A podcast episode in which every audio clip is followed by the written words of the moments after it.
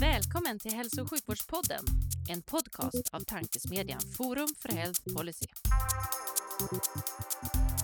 I den här podden möts frågor om hur vi kan få bättre hälsa med frågor om vilken politik som krävs. Det kommer bli samtal om personcentrering, ledarskap, digitalisering, organisation, politik och mycket mer.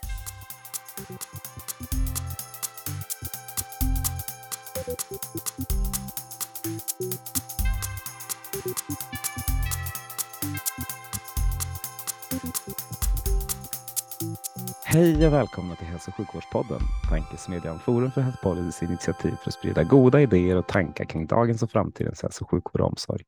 Jag heter Magnus Lejelöw och arbetar till vardags för Colivia, men även ambassadör för Forum för Health Policy. Och vid min sida idag har jag förmånen att välkomna sjukhusdirektören för Europas bästa sjukhus, eh, som, eh, som det kom fram häromdagen. Eh, varmt välkommen Björn Svega. Ja, tack. Roligt att få vara med. Jag ser jättemycket fram emot det här, men jag håller mig till mitt format så jag tänkte jag börjar med frågan. Hur tror du att svensk hälso och sjukvård ser ut 2040? Jag har egentligen ingen aning. Det är liksom. Det är så mycket som händer och det händer så fort och det behöver bara komma en pandemi så vänder det upp och ner på hela systemet en gång till. Ja, precis. Och det enda vi vet är att vi kommer ju ha fel i de här gissningarna, men det är ändå ja. roligt att gissa. Jo, jo, men det är liksom gissningar.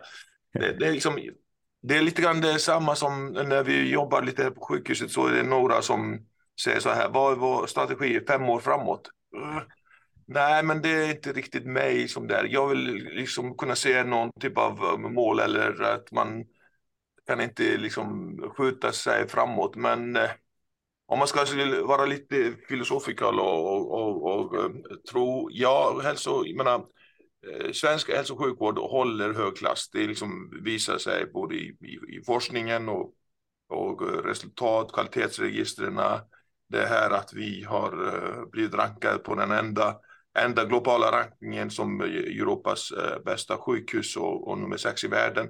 Det säger ganska mycket om kvaliteten på, på eh, liksom svensk hälso och sjukvård. så vi har, vi har bollen, vi, liksom, ja, det gäller att tappa inte den. Det gäller att liksom komma in i den här nya världen som den digitala AI-världen eh, på ett bra sätt och eh, om vi kan göra det på strukturellt sätt så, så, så har jag goda förhoppningar till att vi kommer att ha liksom hög kvalitet eh, sjukvård fortsatt. Men det, det, betyder ändå att vi måste göra saker helt annorlunda. Vi måste ha en klar strategi hur vi ska göra saker. Vi vet att det inte blir mer personal. Vi bara titta på liksom, utredningen som SKR har gjort. Liksom, vi behöver, för att om vi ska jobba på samma sätt och ta emot de äldre inom sjukvård och annat likt och med alla dessa behandlingar som går att göra idag. Eh, menar, det, det, går inte att jobba på samma sätt. Kommer inte, personal kommer aldrig räcka. Så vi behöver idag, och det har vi faktiskt börjat med på sjukhuset, titta, hur kan vi på, på riktigt de närmaste åren jobba annorlunda eh, och ge mer vård eh, med färre personal. Det kanske inte blir mycket billigare med mindre personal för att kunna jobba, ja, jobba annorlunda, kunna, kunna använda tekniken, eh, kunna liksom minska den förfärliga administrationen som vi har lagt på vår personal på olika fronter. Då tror jag att vi kommer att eh, klara oss ganska bra. Speciellt eh, ja, om man ska säga jämfört med andra länder som har kanske kommit mycket kortare i, i sin, sin utveckling redan nu. Liksom. Mm. En bra bild. Ja. Eh, och du, du, gav mig härligt många trådar att ta tag i, så jag känner att jag har skrivit ner sju stycken olika följdfrågor på det där, så det, det, finns något att ta i. Men för lyssnarnas skull så tänkte jag att vi ska, vi ska introducera dig också. Och de flesta vet vem du är, men jag tänkte, kan du inte berätta, vem är du, vad gör du idag och hur hamnade du där? Oj. Um... Också en liten nätt fråga. ja, ja, nej, men det, hur hamnar man här? Det är ju, ibland säger man tillfälligheter, men eh, sen, sen finns det inga tillfälligheter i och för sig också. Ja, men eh, det som kanske några hör så är jag inte svensk. Jag eh, är född och uppvuxen på Island. Där jag kommer ifrån, gjorde min läkarutbildning där och eh, flyttade sen för ett antal år sedan till, till, till Göteborg och jobbade på Sahlgrenska i, i över nio år. gjorde färdig min utbildning som ortoped och specialiserade mig på, på, på ryggar och, och gjorde min avhandling började min chefskarriär där. Ehm, um, på Sahlgrenska och uh, hade mycket forskning också där som jag tyckte var väldigt kul. Eh, uh, 2000, I slutet av året 2002 så flyttade jag tillbaka till Island uh, för, ja, för olika anledningar, bland personliga, bland också lite frustration hur jag tyckte sjukvården var på väg då. Um, och fick då chansen att eh, jobba på Island inom Islands universitetssjukhus. Ett sjukhus som 5000 anställda eller 5500 anställda. På den tiden och eh, jobbade i olika positioner, bland annat som då sjukhusdirektör i, i, i fem år genom eh, liksom en ekonomisk kris. Eh, efter jag hade slutat som sjukhusdirektör så jobbade jag liksom som konsult i ett tag, eh, jobbade ett halvår. Eh, i, i Boston med eh, eh, genetisk in, informatik och startup där.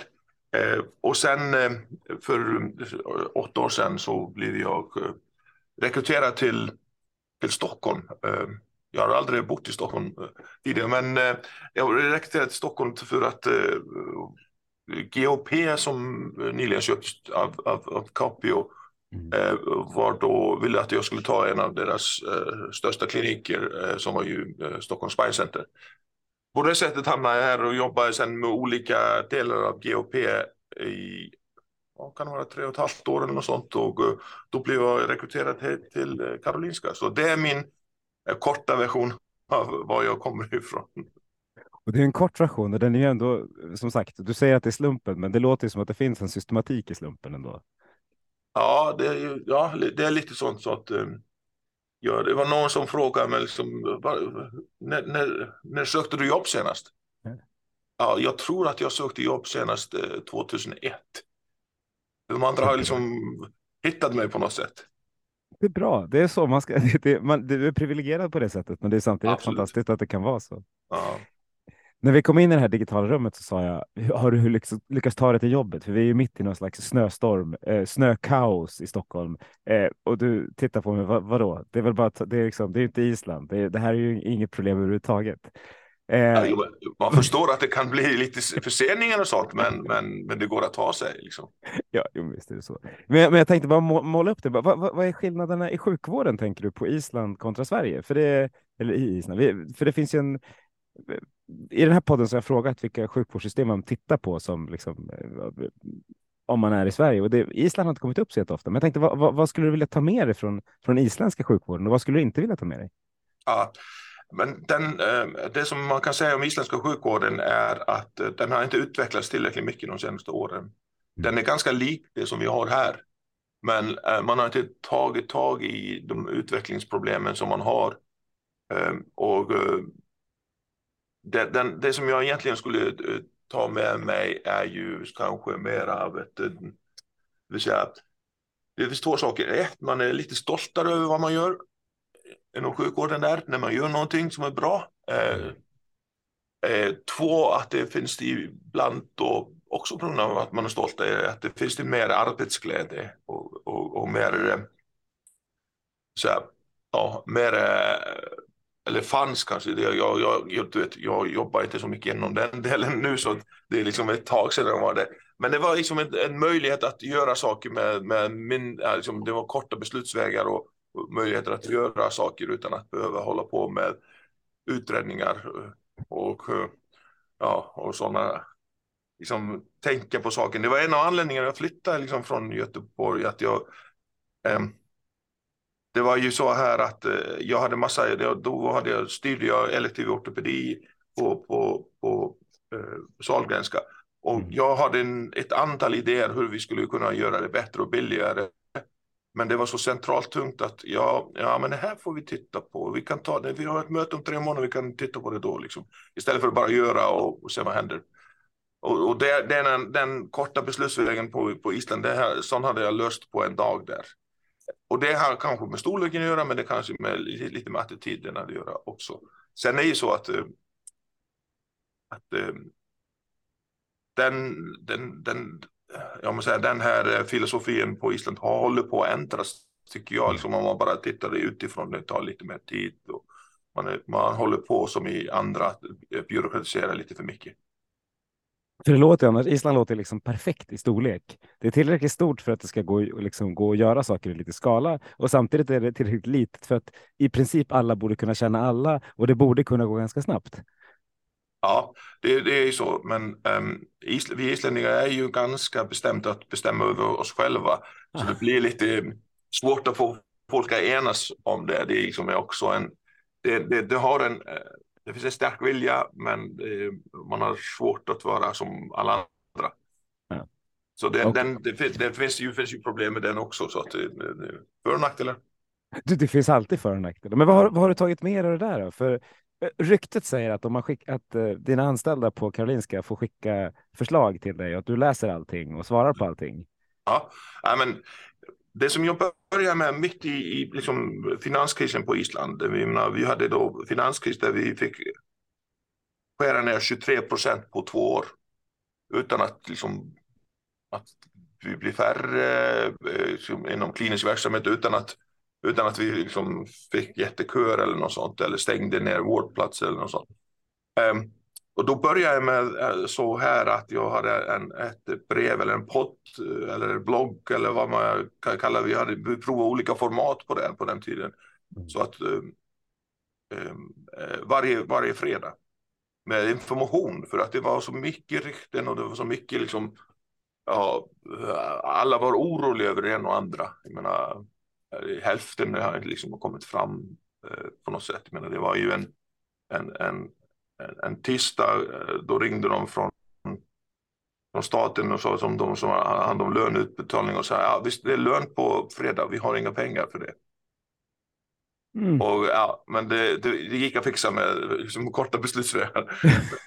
men så det, det hände massa saker här och, och, och det var väldigt mycket riktigt. Så vi satte igång så att jag eh, satte igång att liksom varje fredag var det kort eh, informationsblock till slut. Eh, Eh, från mig eh, som också publiceras externt och det var ju liksom både för ägarna, för folket att förstå hur det går för oss och, och vara ärlig med, med kommunikationen.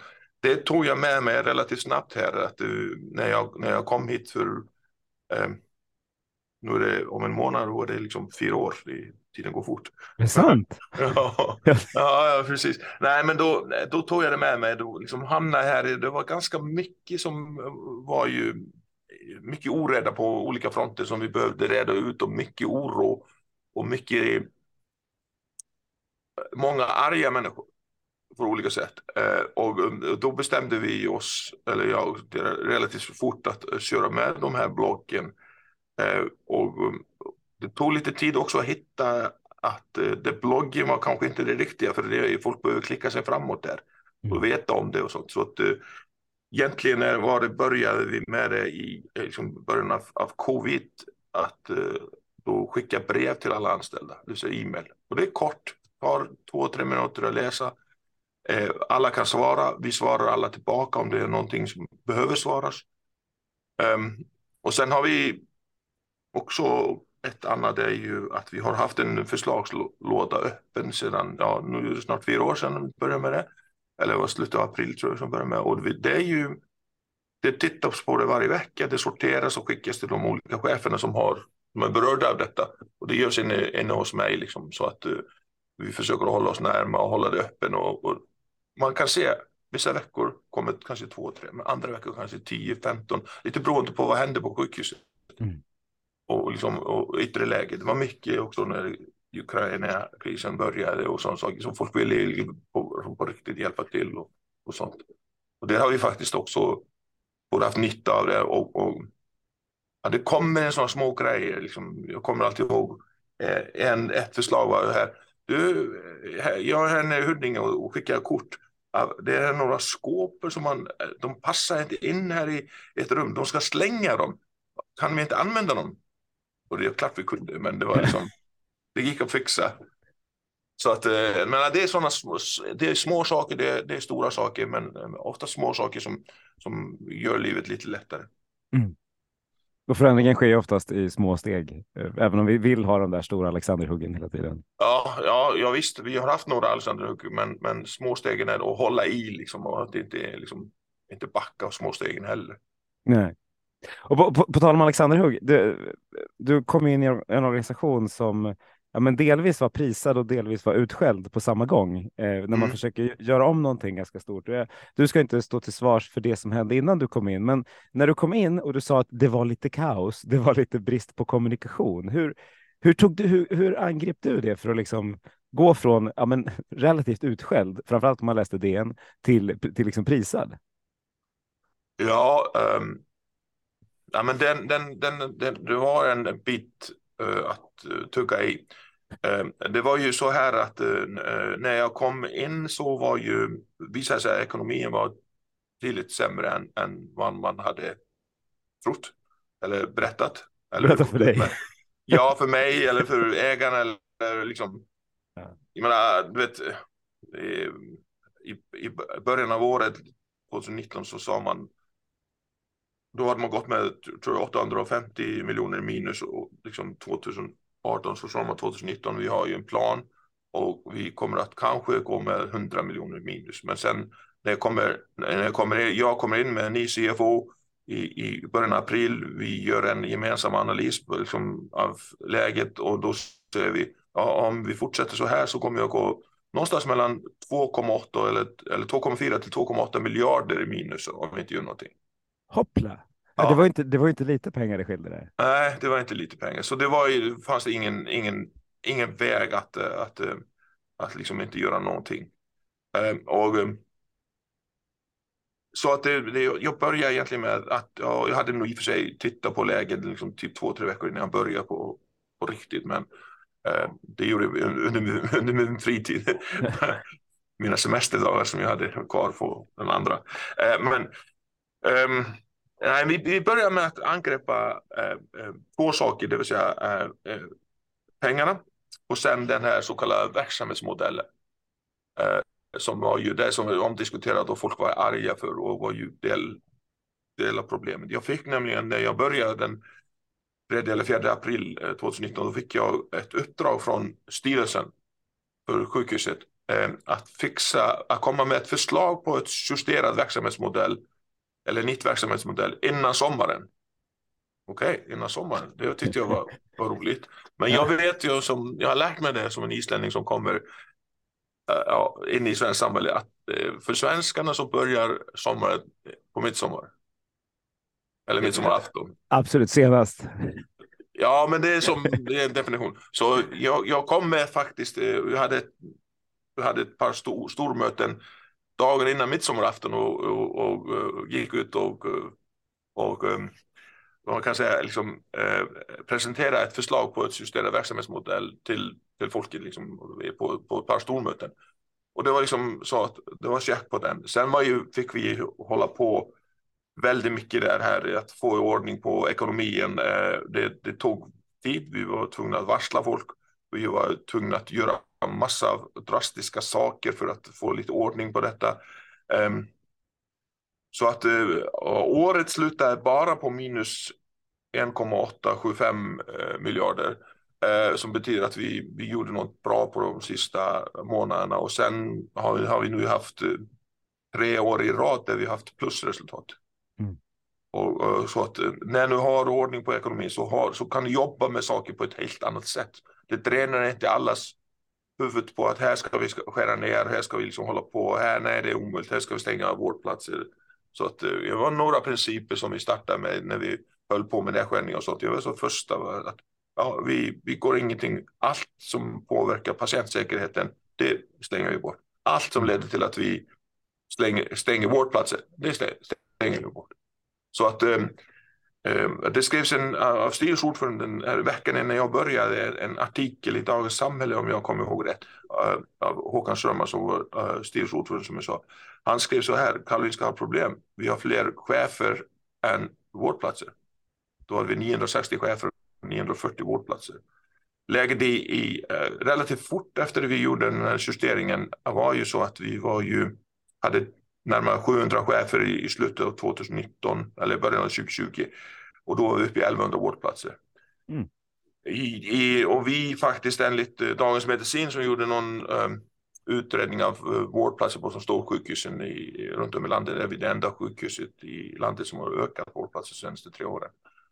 Um, så att ja, vi är rätt så nöjda. I, i, i, i, i, i går morse hade vi 1140 eh, vårdplatser eh, öppna. Eh, I onsdag och torsdag så brukar det bli närmare 1160-1170 så att vi, ja, och vi är nu 650 chefer, ungefär så. Och jag förstår, det är ju en komplex organisation på väldigt många sätt, det förstår jag också. Samtidigt när man, när man hör siffran så låter ju liksom en chef på två vårdplatser låter ju ganska, det låter som många chefer. Mm, ja, det... vad, vad, vad, tror ja, och och, och, Nu säger jag inte, det var ju tvärtom från början, så jag säger, jag säger det, det, det, låter ju bättre. Och samtidigt förstår jag att det är väldigt många delar i ett universitetssjukhus. Mm. Men vad tror du, vad tror du det optimala är? Vad tror du, liksom, vad tror, vad tror man kan landa på om man ska ha eh, liksom en målbild? Um, det är lite olika. Liksom. Um, det vill säga vi har ju liksom enheter som är, som är mindre och då behöver alltid ha en, en enhet uh, som har någon typ av chef som mm. tar ansvaret och, och sånt. Sen har du stora enheter som har kanske för många anställda per chef. Eh, så det är, det är en blandning. Ja, vi, vi har ju haft det som en, en, en mantra, försök att förenkla allt, alltihopa. Vi försöker att förenkla och, och bli färre som chefer så att cheferna som är kvar har ett riktigt mandat och kan agera på, på bästa möjliga sätt så att de inte är så många gråzoner mellan olika chefer eh, som helst. Eh, och jag tror att vi är ganska nära den siffran som möjligen går att göra. Vi har kanske lite grann att kunna slå ihop lite mera inne på det vill säga som ibland kallas för staper också. Det kan, det kan hända att vi kan bli lite färre chefer där ytterligare. Eh, vi, har ju, vi tog ganska mycket ner i, av dem i, kring varslet eh, från i maj 2019 när vi varslade 550 administratörer. Så att, eh, men men det, det är så, det är långt svar till en enkel fråga, men jag tror att vi är ganska nära det. Vi har lite jobb kvar att göra på, på administrativa sidan. Mm. Och jag vill egentligen mest, för, för när du sa att det var 900 liksom 40 chef, äh, plats, vårdplatser på 960 chefer så vet jag fortfarande inte om det är bra eller inte. Jag hör ju att det låter inte jättebra. Det är liksom ur ett så här, vi ska ha patienten i centrum så låter det inte optimalt. Men jag tänker ändå att det, det är svårt med en sån komplex organisation och veta liksom, vad, är, vad är det optimala? Ja, vi, vi, vi har ju provat några koncept, men verksamhetsmodellen har vi inte i, i sig ändrat väldigt mycket. Vi har inte ändrat på den Eh, det vill säga den kliniska verksamhetsmodellen, det har vi inte ändrat på sedan vi, vi satte igång den i januari 2020. Jag tror inte vi kommer att göra det närmaste året eller två. Men vi har liksom eh, hållit på med lite ändringar i innehållet av vad vi kallar för tema och funktioner. Och sen har vi håller vi ständigt på att hitta rätt eh, stödverksamhet, rätt hur vi ska organisera oss inne på staberna och sånt. Mm. mm. Nej, men det låter rimligt. Eh, du nämnde tidigare, eller på första frågan, där, vad, vad du tror behöver förändras eh, till, till 2040 eller vad, vad, som kommer att hända, så sa du att men, om vi fortsätter att ta upp ny, ny, innovation, du sa det kanske inte med de orden riktigt, men vi behöver ta till oss av det nya som händer runt omkring. Hur ser du på Sverige ur ett liksom, innovationsupptagsperspektiv? Tycker du att vi är bra på att ta upp innovation och tycker du att vi är okej okay på att skala upp innovation?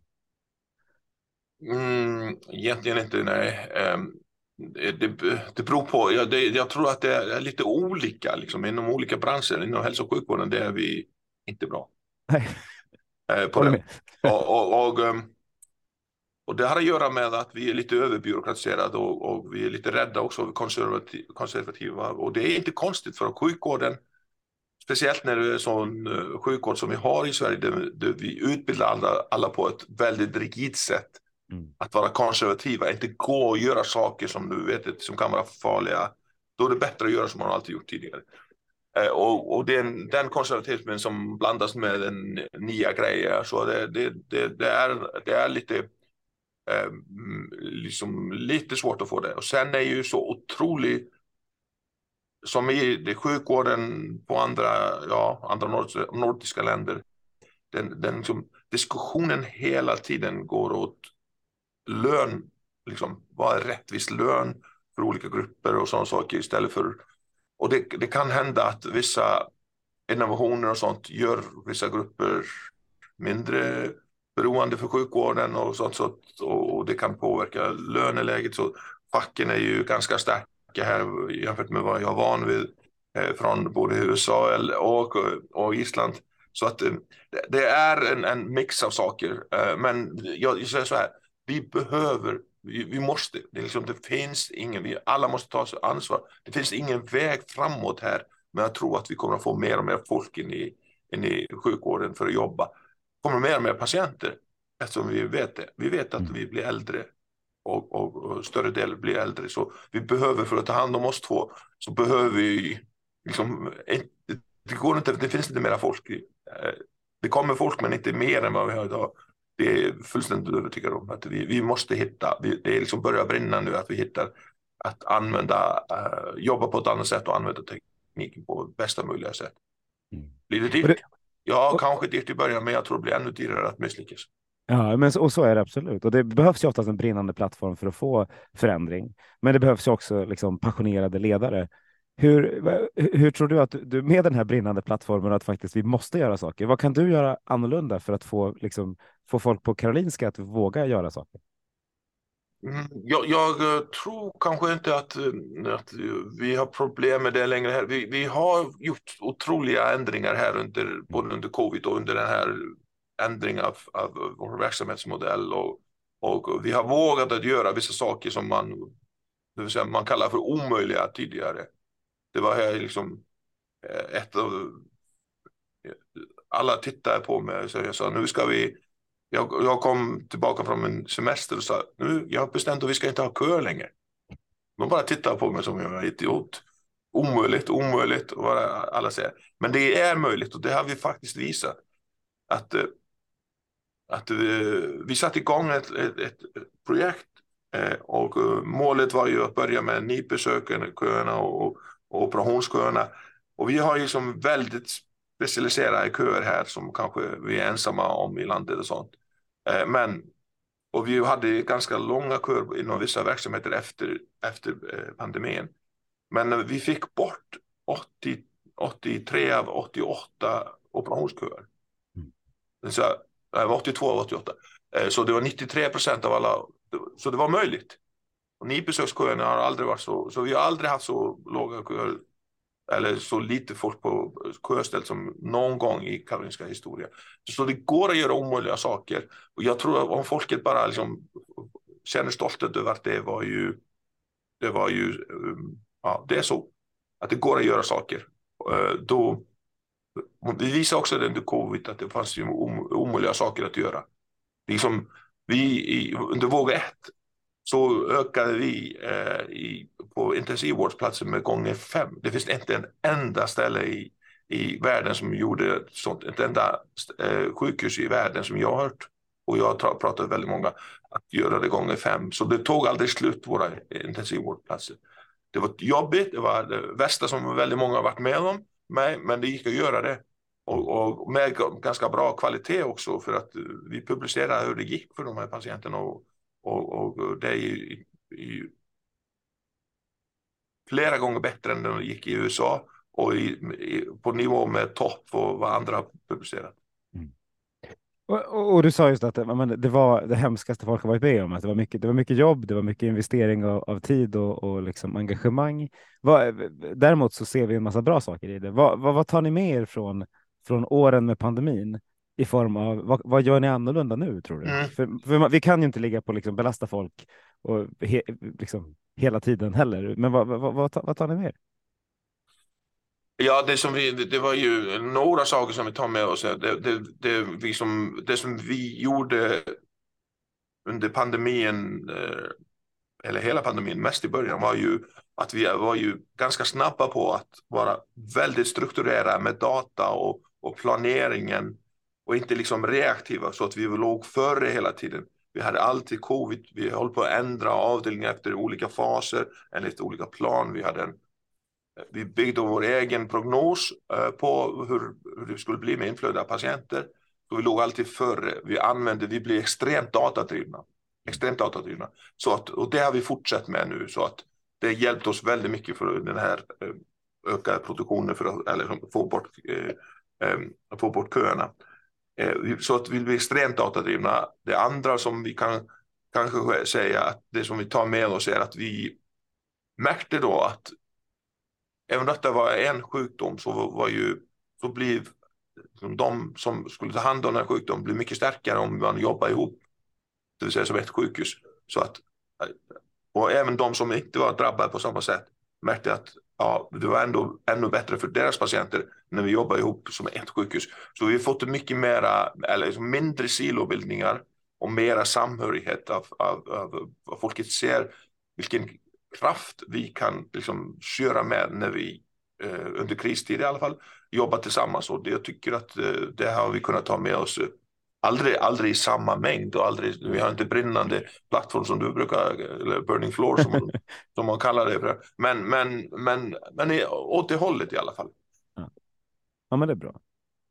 Jag har hört ett annat oroväckande rykte om dig eh, och det är som Liverpool-supporter har jag hört att du håller på Arsenal.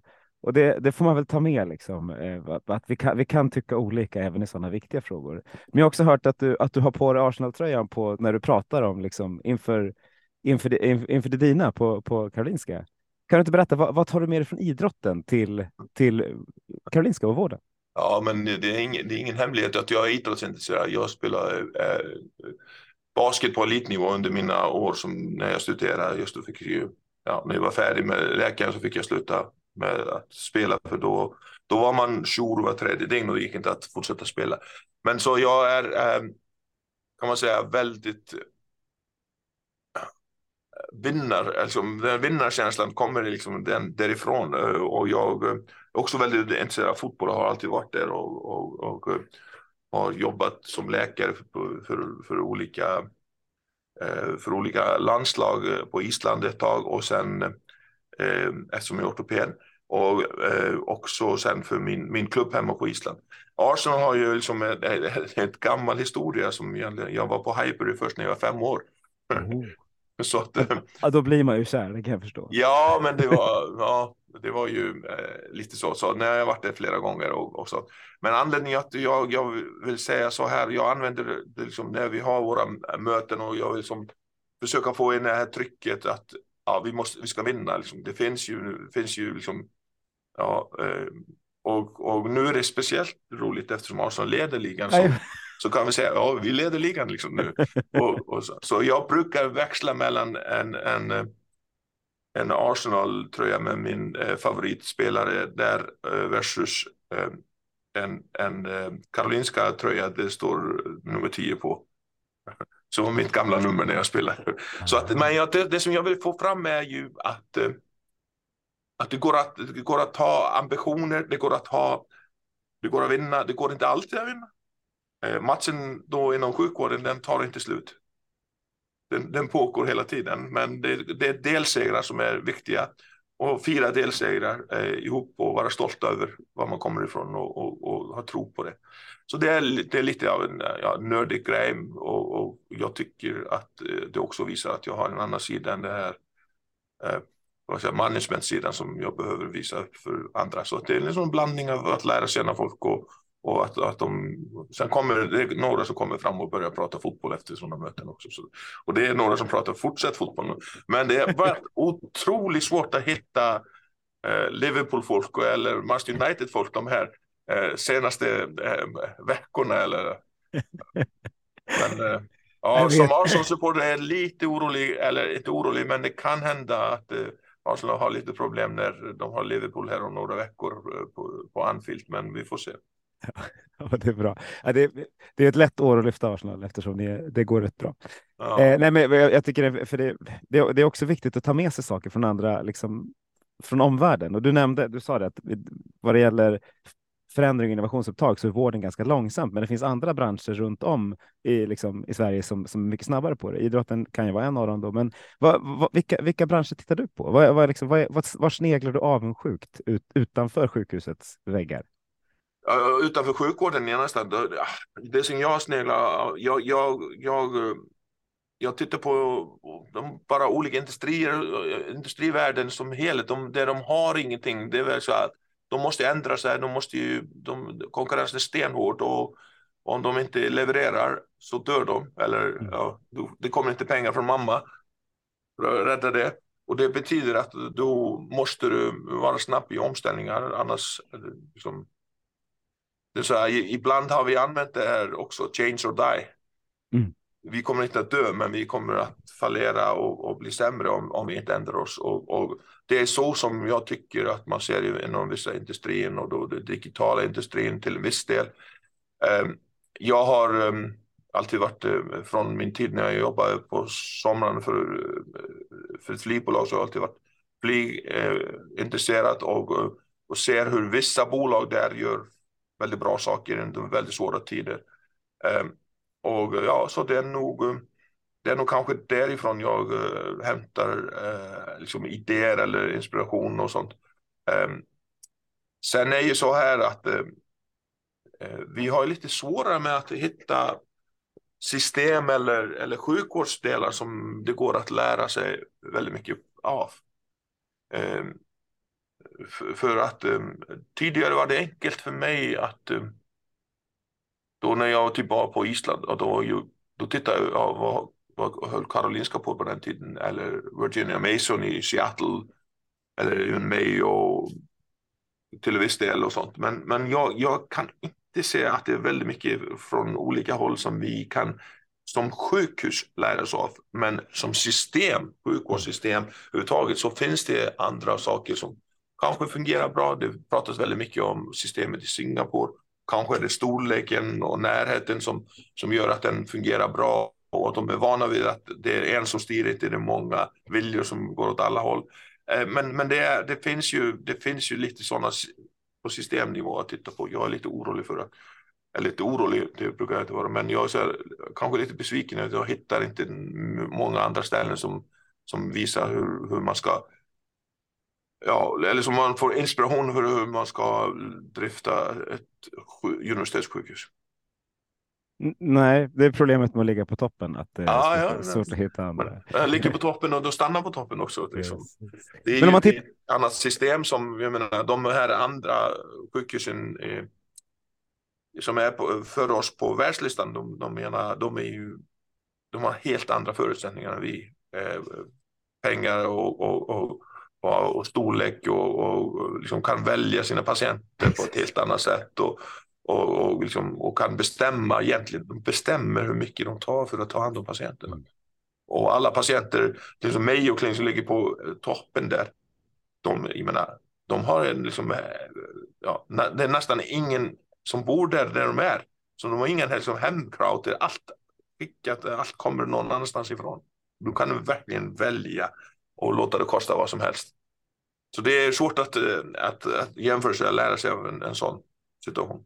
Ja, precis. Man kan lära sig av delar av det naturligtvis. Ja, absolut. men, men, men helheten för att förstå det också. Men om man tänker då flyg, för jag gillar om du pratar om flygplan och att det var liksom ett Mm. intresse. Fördelen tycker jag med, med, med flygplansindustrin och, och bilindustrin, det är att de använder data för att titta på liksom, hur mår bilarna långt innan innan de blir sjuka, eller vad man ska säga. I, i, i fallet en bil så blir de inte så ofta sjuka, men ni har ju egentligen en väldig massa data på alla patienter där ute, ja, men på, på mig i Sollentuna och så där, som vi inte Mm. använder preventivt. Vad, vad, vad, vad, tro, vad tror du? När tror du att vi kan se kan, kan likna bilindustrin och flygplansindustrin i större utsträckning och bli lite Ja. mer preventivt? Men då pratar du mer som att vi får titta på systemet i helhet, liksom inte bara siffrorna som vi får fram här på sjukhuset. Nej, det var ja, absolut. Det var Ja, helheten. och Jag, tänk, är jag ju- tänker att sjukhuset är ju en del Ja. av helheten. i någonstans. Precis. Ja, men eh, när kan det hända? Ja, det kan hända när vi vågar göra det tror jag. När, vågar, frågan när vågar vi göra det då? För jag ja, vill ju men göra det, det, nu. man får, får ändra lagen lite. Man får ju våga att, att, eh, att eh, ja, patienterna får också våga att lita på systemet. Mm. Att, de, att de inte, det inte missbrukas på något sätt och, och, och då kan vi ju börja göra massa saker. Liksom. Det finns ju hur mycket information om, om hur vi rör på oss och hur vår hälsa är och hur, hur, fort hjärtat slår eh, hos Apple. Precis. Du vet, eh, alla dessa, alla dessa liksom, eh, klockor som man har. Jag har faktiskt en också. Så att det, så att det, så, ja, så att informationen finns där. Det, så, jag var och lyssnade här för precis innan pandemin. Då, då var jag lyssnade på en dataexpert som pratade om big data i vär- världen. Ja, det finns big data om allt, liksom skostorlekar, vem man köper och sånt. Men han sa så här, två tredjedelen av big data i världen är, är hälsodata. Ja. men det kopplas inte ihop och används inte. Det finns där, men används inte. Och ja, vi, vi behöver våga att säga så att liksom, ibland säger jag att just do it, men, men jag fattar att det är mer komplicerande. Och, och, det fattar jag också, men du säger så att det behövs patienter och jag som patient, jag skulle med glädje säga ta all min data. Ja. Titta på, titta på min sökhistorik och liksom ja. se när, ja. det, när jag börjar röra mig på, på ett mönster som liksom är, annorlunda, där det händer någonting. Jag skulle vilja det. Och, och du säger, men det här, just do it. Och ändå kan vi liksom inte göra det. Jag blir, jag blir lite upprörd. Det är lite ja, oetiskt nästan. Ja, men vi behöver nog, för att kunna göra det så behöver man nog ändra, ändra lagen för att ja. koppla ihop data och sånt. Det är liksom hur svårt som helst. Eh, man behöver också titta på den här inställningen som man har i, i, i Sverige att det inte att inte flytta, att vi får inte använda cloud system eh, oavsett var clouden ligger. Även om det ligger i Norrsverige så att om, om det är en ägare som inte är, är svensk det, så, så, så blir det. Så att det är sådana saker, lite hinder som vi har i, kring detta som vi har satt upp själva. Ja, det finns goda intentioner bakom det, det finns ju tankar. Um, men uh, ja, det behövs lite ändringar på detta och sen att det här att som jag sa att det finns ju då att man man måste våga. Det är inte alltid man vågar göra sådana saker för att flytta framåt. Det är inte alltid politiker vågar ta den här fighten eh, mot de här enstaka som man, någon har missbrukat deras data eller något sånt och det blir ganska högljutt. Att det liksom, då vill man ha hängslen och livrem. Mm. Ja, jag, jag förstår också. Jag blir bara mest så här. Här skulle man verkligen vilja titta på ja, andra industrier och, och göra någonting. Det finns, det finns mycket som helst. Ja. Något som också finns mycket att göra kring just nu är, är kompetensförsörjning. Tittar man på liksom det du nämnde, så vi, vi kommer inte vara tillräckligt många eh, framåt för att kunna göra det vi ska göra. Vi måste utbilda folk. Det finns massa olika saker. Vi behöver titta på hur framtidens arbetskraft vill jobba och så. Det, det rimmar lite, lite illa i min bok med, med det, det som just nu faktiskt ni är på tapeten med vad gäller ett hyrstopp i Stockholm som man liksom delvis kan förstå utifrån ett, eh, att eh, man, man, tycker att man vill ha personal hos sig själva och samtidigt så verkar det finnas lite för lite personal. Hur, eh, hur, hur tänker du på liksom framtidens arbetskraft? Vad, vad, vad, vad tror, hur tror du att vi ska få, få framtidens ganska liksom så krävande arbetstagare som, som, som, vill vara flexibla i sitt jobb och, och passa in i den kanske mer rigida mallen som sjukvården har? Det blev en lång fråga. Ja, för det första så är det inte hyrstopp i Stockholm, det är restriktiv inhyrning. Um, Nej, förlåt. Det, det, står, det, står, det står hyrstopp i Dagens ja, ja, men det, det, är kanske någon politiker som har sagt det, men det är en annan sak. Uh, så att den, den, det, det finns ju. Uh, men det här liksom, den här med. Uh, jag förstår att, och, och, och um, att, att inhyrning är kanske någonting som är bra för oss också när det är um, det säga för att öka vår flexibilitet eh, och, och, och sen eh, ja, för att ta toppar och för att kunna hjälpa till när någonting, någon, någon blir sjuk eller någon sådana saker. Eh, sen är det ju så att jag, jag, vi ser att liksom, det har gått lite överstyr. Det har börjat istället för att handla om um, handla om att folk vill liksom vara flexibla och styra så handlar det mer om att de vill ha högre lön och att mm. hyrdelen ger högre lön så flexibiliteten är liksom borta som, som nummer ett i den delen. Eh, så att skulle man kunna jag tror väldigt mycket på att då skulle man kunna liksom hamna på en låg rimlig nivå och ett, ett riktigt liksom med eh, riktig, ja, vad man kallar för riktiga löner eller riktig kostnad jämfört med det, så, så tror jag att det skulle vara plats för inhyrning. Eh, det, det här med att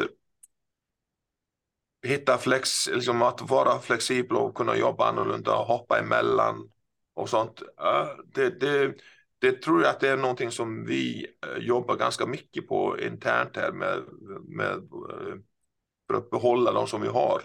Och det har gått kanske lite för långt. Jag vet inte mm. det då ledde till att du ytterligare får problem. Det ju, beskrivs ju hur uppe i var det Västerbotten eller Norrbotten där, där de svarade IVO. Äh, IVO sa att ni behöver öppna fler vårdplatser och då sa de ja om vi öppnar fler vårdplatser så kommer fler sjuksköterskor att, att, att sticka för vi kan inte vi, då behöver de jobba annorlunda och inte som de själva vill. Så det är en eh, catch 22 i, i väldigt många avseenden. Så att ja, vi behöver eh, på den korta sätt, vi behöver mest eh, jobba med vårt eget folk. Eh, här personal tycker jag är, är bra att ha när det kommer någonting eh, och som du behöver vara flexibel i. Eh, men då till en mycket rimligare kostnad än eh, den, den som är idag. Så du kan inte liksom du, liksom, hyrbolagen eller de som hyr ut har kunnat locka över folk på eh, helt andra löner än, än, vad vi kan betala.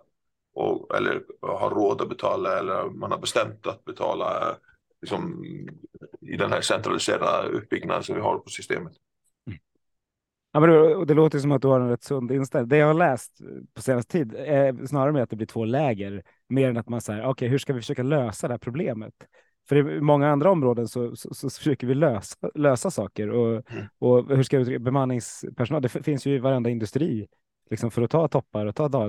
Men, men just här har det blivit som något det, det ondaste som finns. Jag var mest nyfiken på hur, hur du ser på det. Ja, men, men det, det, är mer av en också en, en, en politik i det. Men sen tycker jag att eh, vad jag har i alla fall hört, för jag har liksom ingen direkt kontakt med hyrbolag, men jag hör det från ja, olika håll, kanske inte så mycket inne på smittsjukhus för folk är ju vana, men de kommer inte med sådana anekdoter eller historier. Men är liksom också attityden av de här bolagen, de har blivit så vi har blivit så beroende av så många i så många olika avseenden att då, då blir man då kan man bli lite nonchalant också och trissa upp priserna och så. Det är bara marknad. Det är så att, äh, så att ja, om man ska göra någonting ihop på det sättet så är det ja, det, då, ja, man, kan, man kan titta på olika sätt. Jag, jag tror alltid när man pratar om det här, här eh, när jag började här ja. så, så frågade jag politiken eh, som var då vid makt. Vad, är, vad tycker ni liksom är rimligt att vi ska ha för HIR inhyrning? Liksom, liksom, är det, är det, ska vi ha noll eller ska, nej men 2 procent är rimligt. Ja, för, liksom, de, för dem var svaret från dem. För det är så ökar vår flexibilitet och sånt. Ja. Vi har inte varit över 2 procent. Vi har hållit oss där. Vi har kunnat hålla oss där till viss del. Någon månad över har vi 2,6 och någon 1,9 och så. Så vi, vi har liksom hållit oss till det. Nu är det andra, eh, ja, andra förslag och andra, ja, liksom andra andra politiska idéer hur man ska göra. Och sen är det så att vi är solidariska med att, att följa, även om, eh, även om vi inte har lika mycket, om man kan kalla det för problem med detta som andra sjukhus, så följer vi och hjälps åt, annars kommer marknaden i en balans helt och hållet. Mm.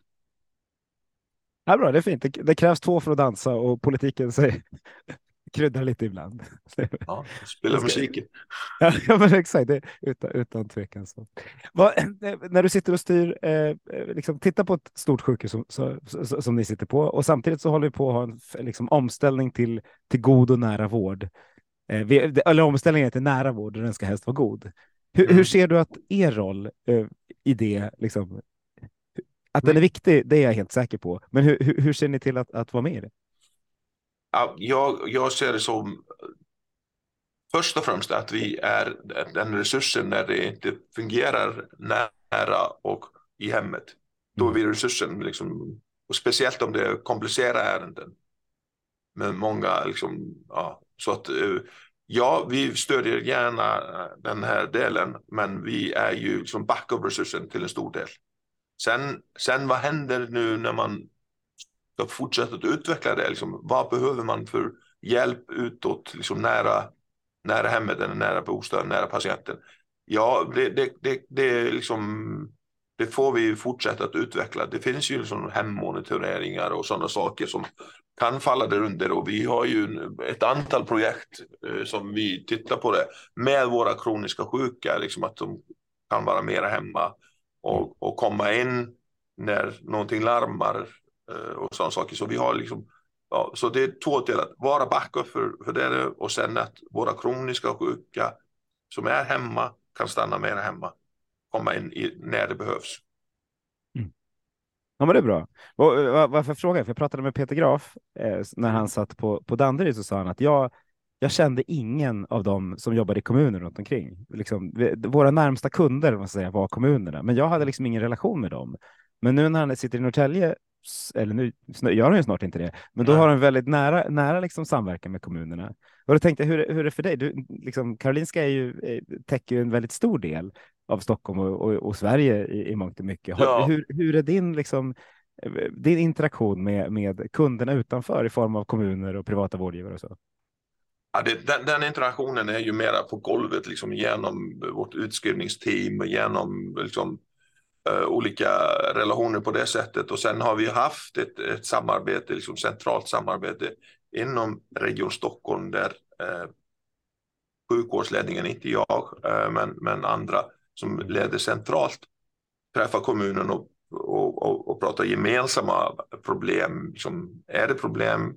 Vad hände förra sommaren? Sådana saker. Så att, eh, ja, jag är långt ifrån den delen, men eh, väldigt många av mina medarbetare, som vissa kallar för medansvariga, eh, eh, gör på golvet och har mycket kontakt med det, den delen. Så att vi, vi, vi har liksom frågat lite runt också här, för det har varit på tapeten. Och ser, vi, ser vi problem med eh, liksom, kontakter med kommunen? Nej, det har, nej det, vi får ganska liksom, bra gehör och sen kan vi också se det på vi, vi tittar på siffrorna. Liksom. Ja, är det någon kommun som sticker ut som inte tar emot och sånt? Så, nej, vi kan inte se det längre. Det var så för några år sedan, men jag tycker att den har den har blivit bättre och bättre. Mm. Vad skönt, det är så man vill att det ska vara. Absolut. Absolut. Vi ska, man behöver inte laga något som inte är trasigt heller. Eh, om, man, om man då tänker på siffror, om, om du nu på din vägg här bredvid datorn skulle sätta upp de fem viktigaste KPI-erna för, för dig som, som, som sjukhusdirektör på Karolinska. Vilka, vilka skulle du sätta upp då om du fick välja helt fritt? Det är liksom inga, inga systemproblem, inga problem med att få fram KPI. Vilka, vilka mätetal skulle du vilja ha? Mm. Ja, eh, det finns ju sådana, om jag hade någon, en eh, kvalitetsparameter som skulle, ja, som skulle säga någonting för helheten, då skulle jag ha den, men vi har egentligen inte en som säger någonting för helheten. Eh, Typ som aktie, aktiekursen fast för, för, ja, för hur alla mår. Aktiekurs, eh, men vi har några som vi tittar på som varje dag. ja. Tillgänglighet, eh, liksom, ja, infektioner, sjukhusinfektioner och sådana saker som vi har det. Eh, jag skulle titta på eh, öppna vårdplatser och beläggning kring dem. Det är ju kanske nummer två. Jag skulle titta på eh, hur produktionen går i, i, i, i pengar. Det vill säga, och det har vi varje dag. Mm. Och det är en siffra som kommer. Det vill säga DRG-siffran och det vill säga antal eh, öppenvårdskontakter versus slutenvårdskontakter och hur är det jämfört med vi har en produktionsplan som är ner på eh, veckovis, olika veckor som vi har. Den här konstiga sportlovsveckan var ju låg produktionsvecka. Uh, så vi har väldigt mycket av detta som vi, vi, vi tittar på.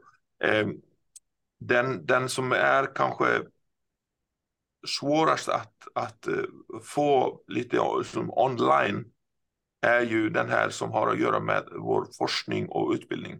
Det är liksom det är siffror som kommer kanske i ja, liksom forskningen. Vi får antal artiklar och, och, se, och hur, hur, bra de var. Det får vi i april en gång om året. Liksom. Eh, utbildningsveckor eh, och kvaliteten på dem, det får vi kanske två gånger om året. Och det är mycket manuellt bakom det. Så att någon eh, KPI som skulle, som eh, skulle vara aktuellt där om, det, om det skulle gå att göra. Men det kommer att göra i framtiden, det är jag övertygad om. Vi, vi, vi, måste, vi kan inte bara tänka på patientproduktionen, vi måste tänka på den vid universitetssjukhuset, utbildningsproduktionen och forskningsproduktionen. Mm. Forskningsproduktion är jätteviktig. Jag förstår ju liksom att, att det finns massa viktigt. Ibland känns det också som att det, det, enda målet med vissa saker är att få saker publicerade eh, snarare mm. än att liksom, ta hand om en patient. Hur, hur, hur balanserar man den? För, för, för alltså, jag, vill ju att, jag vill ju att patienten, jag, ska vara i centrum hela tiden. Samtidigt vill jag att det ska forskas så att någonting ska liksom, gå framåt, men jag vill ju att det ska ligga patientnära. Ja, vissa saker behöver ligga patientnära för att det ska liksom, fungera. Sen finns det ju också forskning som behöver, du behöver börja någonstans och det är inte alltid patientnära i början. Så att den, den här blandningen är ju eh, svåra att komma åt. Jag menar, jag, jag liksom har forskat eh, själv disputerat och har haft tre doktorander och, och jag liksom håller på väldigt mycket och det var ju allt som vi gjorde var ju bra för patienten i slutändan men det var inte allt patient Nej. nära eh, från början, liksom ett, olika steg. Sen kan vi säga så här att, att, eh, hos oss eh, så håller vi koll på detta på olika sätt. Eh,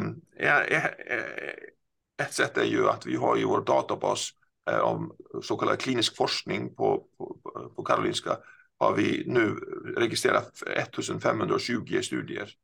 Som är, vi tror att det är, om vi tittar på, det, vi, vi, vi, ser inte de andra universiteten, universitetssjukhusen är inte transparenta med sina siffror där, så vi vet inte hur det är. Men om vi tittar på etiskt godkännande av, eh, av uh, kliniska studier uh, i Sverige som helhet, så tror vi att vi har ungefär 50 eller 55 procent av alla kliniska studier i Sverige. Okej, okay, men är, det, är de patientnära? Ja, det vet vi inte, men vi vet att 40 procent av dem är sponsrade på, från, av industrin. Mm. Och då vet vi att industrin skulle aldrig sponsra någonting som inte hade med liksom, intäkterna senare att göra, det vill säga patientnära.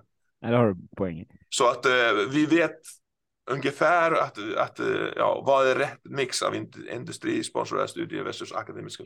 Ja, det, det är svårt att inte vara, vi ska inte vara beroende av olika bolag, men, men eh, eh vi, vi, vi vet då att det kommer att göra, eller liksom flytta patientnyttan framåt precis där. Mm. Ja, bra svar.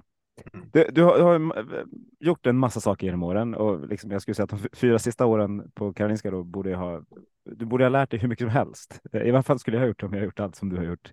Eh, vilka råd skulle du vilja ge till andra som sitter i, i samma sitt som du? Man kanske inte behöver ha ett universitetssjukhus som man ska förändra, men förändra en vårdcentral eller förändra en, en vårdavdelning eller förändra ett, ett sjukhus för den delen. Vilka är dina bästa råd? Ja, um det som jag tycker att vi har eh, blivit bra på är ju ett, eh, ja, vi lyssnar på folket på golvet. Det är där, där idéerna kommer ifrån för det största. Eh, två, vi håller inte på med utredningar. Det är liksom att göra ändringar och sen våga backa om man hamnar fel. Inte sätta prestige i att hålla och göra ändringar oavsett. Det låter eh, mer som, och, en, som en startup än som ett, som ett sjukhus. Vad kul. Ja, men det, det är ungefär hur jag jobbat. Jag har otroligt svårt med och eh, det. Um, um, och um, liksom var lite orädd. Det jag liksom har alltid när, jag, när jag har mina chefsmöten så, har, så då börjar jag känna igen detta. Då har jag två, två bilder, de är båda på engelska. Den första är Change You Can Believe In, det, det gamla Obamas eh, valkampanj, första valkampanjen. Eh, det vill säga tro på att du kan göra saker och att du kan hålla i de sakerna, att du röstar en färgad man i Vita huset och han får stanna i åtta år. Det, liksom, det var, det var liksom ett omöjligt mål på den tiden. Den andra som jag har är ju Keep calm and just do it. Det vill säga bara göra det och sen backar vi om vi hamnar fel. Eh, det, den sista punkten som jag skulle säga är ju eh, färre möten och korta möten. Eh, det finns ju, det är ett, ett av de besluten som jag har tagit här på sjukhuset är ju att vi har eh, nu eh, officiell mötestid inne på sjukhuset är 25 minuter. Hoppla. Ja. Det är, det så som systemet bokar möten, 25 minuter. Och det finns ett beslut underskrivet att i undantagsfall får man ha längre möten än det. Då, då tar jag med mig någonting direkt till mig. ja, men det finns ju många sådana. Men äh, ett tag så tänkte jag på att vi skulle kanske ha 25 minuters möte och alla skulle stå. Då skulle alla liksom hålla tiden. ja, absolut. Det, det är en massa sådana saker. Som vi, men jag, jag, tycker vi inte, vi har inte tappat någon kvalitet på de möten som vi har minskat. Det blir to the point, det blir liksom bättre användning och det blir till slut färre möten. Ja, Men precis som att det tar en timme att förbereda en timmes föreläsning och eh, fem timmar att förbereda en fem minuters föreläsning. Ja. Det, det, är liksom, det, det, det svåra är att kondensera saker och kondensera. Ja, det är svårare att komma, komma, komma till skott på något sätt. Ja, exakt. Ja, men bra. Eh, när vi började prata, innan vi började prata så sa du, hur, hur länge ska vi hålla på? En timme? Oh, det är länge. Nu har vi hållit på lite mer än en timme. Hur, är det något du känner att du, du inte har fått prata om som du hade velat prata om? Nej, nej, inte, inte riktigt. Nej, det, det kommer jag inte på på det. Jag, jag, det enda som du, du, vi var lite inne på den här kulturella skillnaden mellan eh, Sverige och Island och sådana mm. systemet. Och det sa jag från början. Jag är, jag säger inte trött på det. Jag är förvånad varje gång det kommer någonting positivt om svensk sjukvård, om Karolinska, om rankingen. Att folk reagerar liksom avvaktande, att de inte är glada, att de har lilla landet här slår Tyskland, Frankrike, England, alla nordiska länder, vet, eh, Italien, Spanien och sånt. Varför ligger absolut topp med detta? Vi är ett system som väldigt många svenskar tror att det är helt kaputt. Så att jag har så här, det är den som en islänning skulle liksom flagga i, i två veckor efter en sån och, och prata om det och ingenting annat.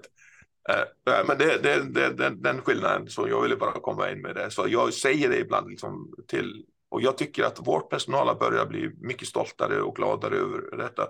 Men jag tror ändå att det finns flera, i, inte bara i Stockholm, men i Sverige som ska vara otroligt stolta över att vi har någonting som ligger absolut världstopp i ett offentligt finansierat system som inte alla tror kommer att fungera. Det är väldigt fina avslutningsord. Det tycker, jag vi, det tycker vi tar med oss. Jag tackar varmast för att du ville vara med i Hälso och sjukvårdspodden, Björn. Ja, tack, det var jätteroligt. Ja. Och tack alla ni som har lyssnat. Nu går vi ut och förändrar svensk hälso och sjukvård till det bättre. thank you